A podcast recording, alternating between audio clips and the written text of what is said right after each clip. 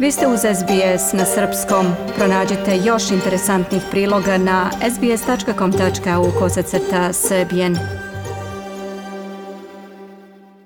Kada su uvedene prve restrikcije zbog pandemije virusa korona, mnogi australijanci su momentalno ostali bez posla. Redovi ispred Centralinka su bili do sada neviđeni. Ljudi su stajali satima ispred čekajući pomoć i tražići način da plate kiriju, hranu i osnovne životne troškove.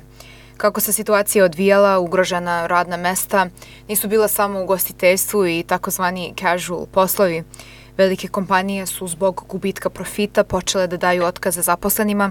Ljudi su bili primorani da koriste godišnje odmore.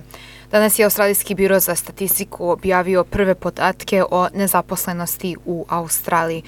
Predviđalo se da će stopa nezaposlenosti skočiti sa 5,2 odsto na 8,2 ili 8,3.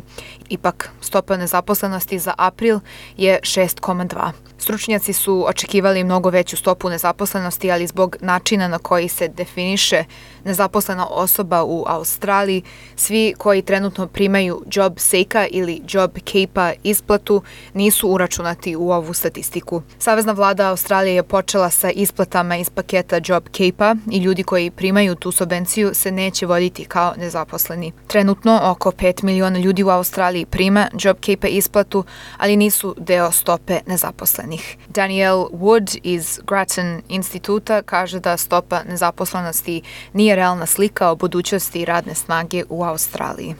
Look, we were expecting it would be higher than that. I mean, certainly in terms of the number of people. Očekivali smo veći broj ljudi koji se vode kao nezaposleni. U svakom slučaju i ovaj broj je visok za australijske standarde i naročito zabrinjava brzina dešavanja.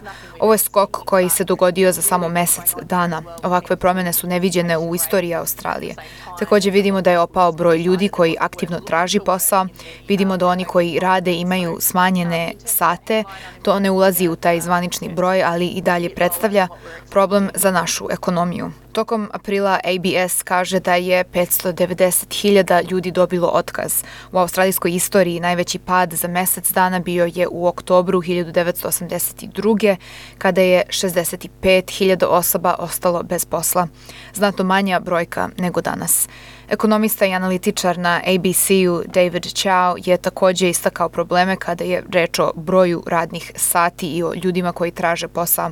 Stopa takozvane nedovoljne zaposlenosti radnika predstavlja procenat ljudi koji žele da rade više sati sedmično, jer su uglavnom zaposleni kao casual ili part-time radnici. Njihov broj je skočio sa 8,8 od 100 na čak 13,7. Međutim, smanjeni sati se ne računaju kao nezaposlenost i jako utiču na pad produktivnosti i zarade. Mnogi ljudi koji se i dalje vode kao zaposleni primaju i neku vrstu dodatne financijske pomoći od vlade. Daniel Wood kaže da to utiče na celokupno stanje ekonomije. Uh. Mislim da ima ogroman uticaj. Procenjuje se da oko 5 miliona ljudi prima tu isplatu, ali oni ne idu na posao i nisu deo australijske radne snage. To nam smanjuje produktivnost, ali oni nisu uračunati u zvaničnu statistiku. Vidimo i smanjene sate, smanjenu produktivnost, sve više nezaposlene radne snage. To su sve prepreke na putu ka jačanju ekonomije. Iako je statistika o broju nezaposlenih niža od očekivanog, opozicija kaže da bi vlada trebalo da razmisli o otplaćivanju dugova. Laburisti su pitali vladajuću koaliciju da im objasni plan kako će se veliki deficit vratiti ako većina stanovništva bude radila znatno skraćene sate. Lider opozicije Anthony Albanese je danas rekao da će ovaj problem samo da se akumulira te da je savezna vlada suviše spora u isplatama job capera. And that's the problem here. To je problem, to što će ovo sada biti akumulacioni efekt. Radnici koji nemaju puno radno vreme i dalje čekaju isplate, Savezna vlada je zaboravila na njih. Premijer Scott Morrison je međutim na današnjoj konferenciji za medije rekao da vlada nije oklevala kada je u pitanju financijska podrška.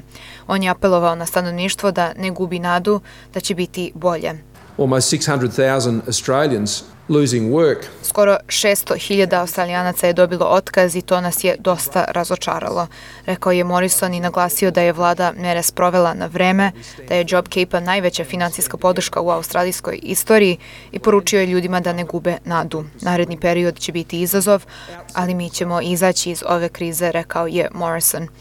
Kada se gleda na državnom nivou, stopa nezaposlenosti u Južnoj Australiji i u Queenslandu je veća nego nacionalni prosek. U Južnoj Australiji je 7,3 od 100, a u Queenslandu 6,8. Najbolja situacija je u teritoriji glavnog grada Australije, ACT, gde je stopa 4,2, zatim slede Novi Južni Vels i Viktorija sa po 6 od 100. Želite da čujete još priča poput ove?